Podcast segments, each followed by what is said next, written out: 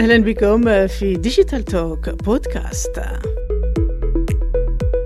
تصميم تجربة المستخدم User Experience Design مصطلح يتمحور حول مفهوم مجموعة المشاعر والسلوكيات والأفعال التي تولد لدى الإنسان بناء على استخدامه لنظام أو لخدمة أو لمنتج ما.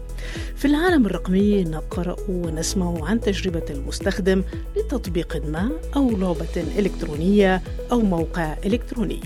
لكن ما هو بالتحديد تصميم تجربة المستخدم وأهمية تصميم تجربة المستخدم في تغيير التجربة أو التفاعل بين المستخدم والآلة وأيضا تحسين أداء العمل في المبيعات أو الأعمال المختلفة.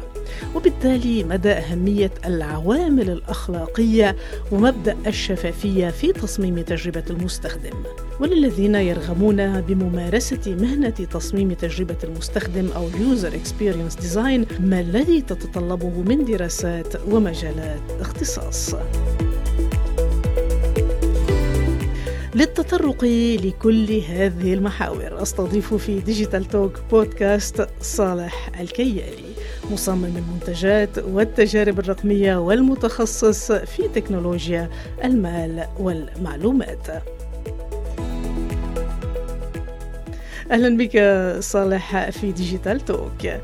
إذا صالح كيالي اليوم نعرف في عالم الرقمي وخارج العالم الرقمي هنالك ما يسمى تجربة المستخدم في التعاطي مثلا مع الأجهزة الإلكترونية أو مع التطبيقات خاصة التطبيقات وأيضا على المواقع الإلكترونية. هنالك المستخدم وهنالك تجربة المستخدم واليوم هنالك ما يسمى بال user experience design فما هو هذا التعبير وما هي هذه المهنة بالتحديد؟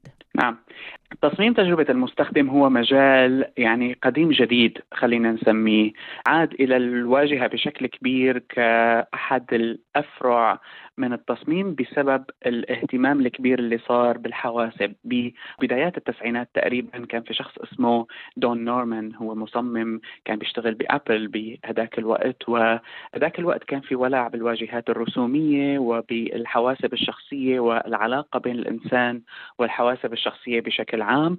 وعلى هذا الأساس خلال عمل دون نورمان بأبل طلع بهذا المصطلح لأنه كان يشوف أنه حصر عمل التكنولوجيين بالواجهات اللي كانت جديدة بهداك الوقت لكن حصر عمل المصمم بالواجهة فقط ما مثالي للتفاعل بين الإنسان والآلة. لابد من وجود أمور أخرى أيضا. وبالتالي تصميم تجربة المستخدم كمصطلح بنشوف أنه هو متعلق بكل شاردة وواردة متعلقة باستخدام المستخدم واللي هو مثل شخصية مركزية ومحورية في هذا الموضوع لأي منتج سواء كان رقمي أو غير رقمي. لكن دون شك موضوع المنتج الرقمي يعني سيطر على المصطلح خصوصا بالوقت الحالي لكنه لا يقتصر فقط عليه. ما هي أهمية ال user experience design صالح كيالي؟ بالنسبة للمستخدم لكل الأمور آه، كما ذكرت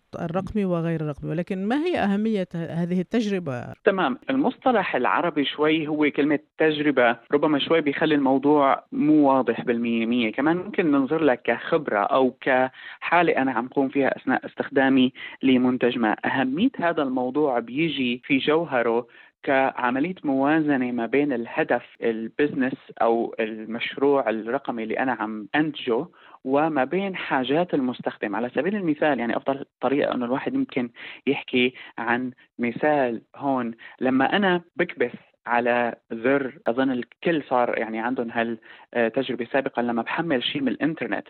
الآن أنا ممكن وهون ال experience أو التجربة اللي عم تصير عندي كمستخدم ممكن أنا إني أكبس download والفترة اللي حينزل فيها الملف لنفترض إنه اخذت دقيقه ما أشوف شيء عم يصير والملف ينزل بعد دقيقة وأنا بس إني بدي استنى. ممكن استنى دقيقة ممكن استنى خمس دقائق ممكن استنى عشر دقائق ما عندي أي إشارة. لأن إذا بدي أفكر بهذا الموضوع من user experience design ممكن أفكر فيه إنه لحل هالمشكلة هي أنا كمصمم ممكن إذا أعطي المستخدم مؤقت يفرجيه إنه أنت هلأ صرت ماشي 10% 20% 30% من عملية تحميل هذا الملف. لأن هذا المثال البسيط بيفرجينا إنه الإكسبيرينس أو التجربة اللي أنا عم خوضها الآن كمستخدم أثناء عملية تحميل ملف من الإنترنت أصبحت أفضل لأنه أنا بعرف إنه أنا قديش عملية التحميل مشيت لقدام وممكن أنا هلأ أخليها أحلى. ممكن إني أضيف الوقت المتبقي. هذا شيء كمان موجود كشغلة من الأمور اللي ما بفكر فيها هلأ كثير موجودة لكن ببدايات العمل على الواجهات الرسومية وبدايات العمل مع الحواسب عموما كانت فكرة ثورية إذا فرجيت إنه قديش في وقت متبقي من عملية التحميل دقيقة 30 ثانية 20 ثانية. هالأمور هاي هي أمور جوهرية في تغيير التجربة أو التفاعل بين الإنسان و الآلة وبالتالي عم تحسن كثير أمور. عم تحسن الإنتاجية في مجالات أخرى اللي فيها مواضيع بزنس بتكون عم تحسن أيضا أداء العمل بأمور متعلقة مثل المبيعات بأمور متعلقة بين إني كيف أوصل للمستخدم مثلا بمجالات مثل الشحن الخطوات لما بعمل أنا متابعة ل مثلا شحنة عم ببعثها عن طريق شركات الشحن المختلفة. ال experience هون كثير مهمة ال business أيضا لأنه لما بقدم هيك طريقة للمستخدم إنه يتابع الشحنة تبعه وين هي موجودة حول العالم إذا عم يبعثها أنا بكون عم موفر على حالي إنه المستخدم ياخذ التليفون ويتصل فيني كل مرة وبالتالي لازم يكون في عندي حدا يرد عليه طول الوقت. هيك أفكار لما بصمم أنا كشركة شحن هون نظام تتبع للشحنات بكون عم موفر على حالي وأيضا بنفس الوقت عم بعطي المستخدم آه، أو عم بعطي الزبون في مصطلح هون تجاري أكثر. عم بعطي الزبون أداة إنه يتابع فيها شحنته وهذا الشيء ينطبق على ملايين من الزبائن. ففينا نشوف هون كيف إنه فكرة الموازنة عم تتحقق. يعني هنا نقول آه، صالح كيالي أن تجربة المستخدم هي تنطبق على كلمة الشفافيه في التعامل مثلا مع المنتج. أو المنتجات؟ هي واحدة من الأفكار الهامة جدا وخصوصا مؤخرا يعني الشفافية أخذت طابع كثير رئيسي في تصميم تجربة المستخدم. واحدة من مجالات تصميم تجربة المستخدم هو ما يسمى بال user experience writer أو كتاب متخصصين في تجربة المستخدم.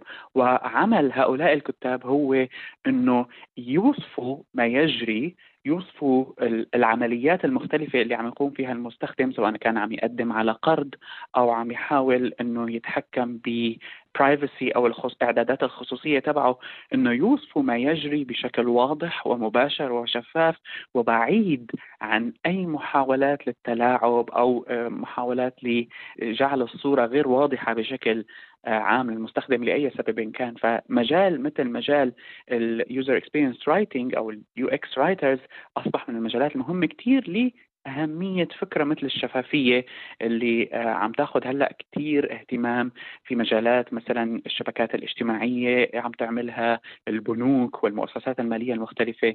كثير عم تركز على هذا الموضوع.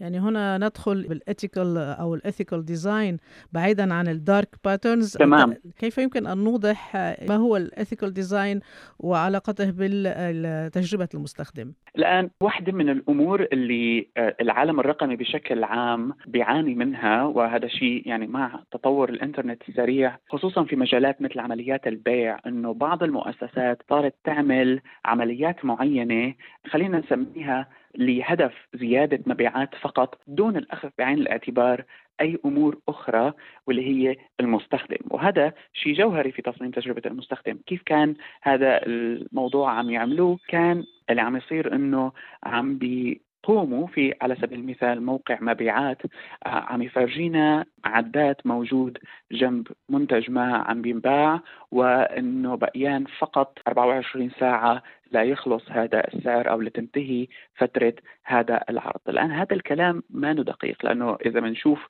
مثلا قبل فترة أو بعد فترة السعر نفسه بيرجع، لكن بيكون في عندهم هدف لزيادة المبيعات في فترة معينة بفرجوا هذا العداد وبالتالي عم يخلقوا حاجة عند المستخدم اللي عم يزور هالصفحه هي لشراء هذا المنتج، لأن هذا الشيء ينطبق على كثير من الأمور الأخرى، المواقع مثل اليوتيوب أصبحت يعني ينحكى عليها بشكل سلبي لأنه عم تحاول تخلي المستخدم دائما على الموقع كل ما يخلص فيديو بيعطوه فيديو ثاني فصار في ضغط على مؤسسات مثل هاي تكنولوجية مختلفة إنه على الأقل لازم تقدموا خيار للمستخدم.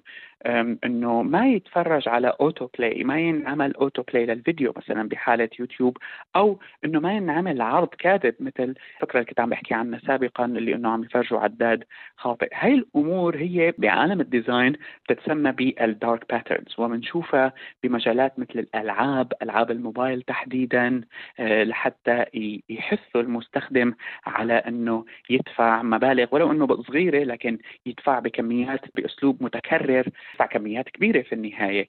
وأصبح الناس كثير حساسين لهذا الموضوع وعم بيحاولوا والمؤسسات أيضا والحكومات في بعض الأحيان إنه يحاولوا يجبروا الشركات هي ما تتبع هالأساليب هي وتحاول تركز على عوامل الأخلاقية خلينا نسميها آه، في عالم التصميم وتمنع الانجرار الدائم إلى الأهداف التجارية، مثل ما قلنا بالسابق، الفكرة الرئيسيه في تصميم تجربة المستخدم هو خلق موازنة ما بين حاجات البزنس اللي هي مبيعات واللي هي توسع وإلى آخره وحاجات المستخدم اللي تتجاوز فكرة إنه نفرجيه فيديو حلو أو نبيعه منتج، مهم. لازم كمان ناخذ بعين الاعتبار إنه ما نخليه يخلق عادات مثلا سيئة، أحد أفضل الأمثلة اللي عم تطبق بالمؤسسات المالية إنه تطبيقات البنوك عم تعمل مجموعة من الخيارات اللي تمنع مستخدمين معينين مثلا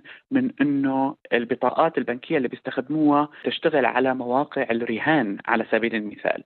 آه، وبالتالي بيعطوا هالخيار للمستخدم إنه البطاقة ما بقى تشتغل على مواقع الرهان. وبالتالي هون بنشوف إنه في نوع من الموازنة مرة ثانية بين إنه يعطوا المستخدم الخيار القدرة على إنه يمنع مواقع الرهان من إنه إذا حاول يعمل أي transaction أو أي عملية رهان اونلاين أو offline من إنه تشتغل البطاقة أساسا وحتى في البعض منهم بشوفوا استخدام المستخدم لهالميزة هي وفي حال لاحظوا أنه عم تستخدم بشكل كتير ممكن يتصلوا فيه يحكوا معه يعطوه نصيحة يشيروه لمؤسسات تساعده بهذا الموضوع. وبالتالي هون عم نشوف أنه تصميم تجربة المستخدم تجاوز الواجهة وتجاوز فكرة أنه نحن كبنك عم نعطيه تطبيق للمعاملات المالية أصبح متكامل. حتى في بعض الحالات عم يدخل في أمور شخصية ربما. لذلك بنشوفه إنه كمان ممكن يكون حساس. صالح كيالي آه، هنا خرجنا عن إطار فقط التقنية وإنما دخلنا أيضا في عالم التجربة النفسية إذا إذا أردنا أو الاختبار النفسي للتعامل بين المستخدم والمنتج. طيب صحيح. يعني عندما نتحدث عن تصميم تجربة المستخدم وال user experience design فهذا المجال يبدو أنه واسع. شخص ما يرغب بدخول هذا المجال. أي نوع من الدراسات أن يدخل آه، عالم تجربة المستخدم أو تصميم تجربة المستخدم؟ تصميم تجربة المستخدم هو مجال يمكن الدخول له صراحة من كثير من المجالات المختلفة. فاللي دارس computer science مثلا ممكن يصير مصمم تجربة مستخدم. اللي دارس فنون ممكن يصير مصمم تجربة مستخدم. كثيرين حقيقة ما عندهم حتى ما بيقولوا formal education أو آه، يعني خلفية آه، شهادة معينة موجودة بهذا المجال. اصبحت بعض الجامعات والمؤسسات معاهد المتخصصة عم تقدم إما شهادات يعني أكاديمية أو diplomas في هذا المجال. أفضل طريقة انه نفكر بال user experience design الناس اللي دارسين فنون تصميم صناعي مثلا ممكن إنه يدخلوا على هذا المجال. الناس اللي دارسين علم نفس ممكن ببعض شوية يعني أفكار ودراسات وكتب ممكن يدخلوا على هذا المجال اللي دارسين graphic design ممكن يدخلوا على هذا المجال.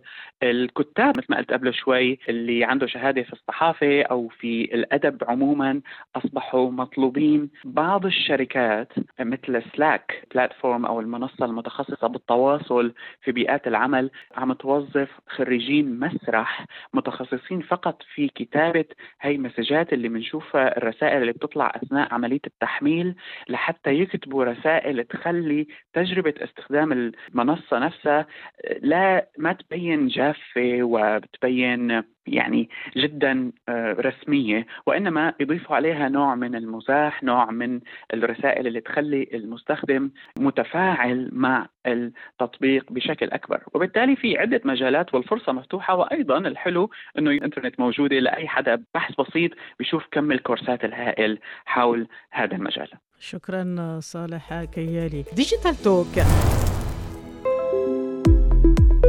نلتقي في حلقة مقبلة في Digital Talk بودكاست كانت معكم نايلة الصليبي صحفية متخصصة في تكنولوجيا المعلومات والتحول الرقمي.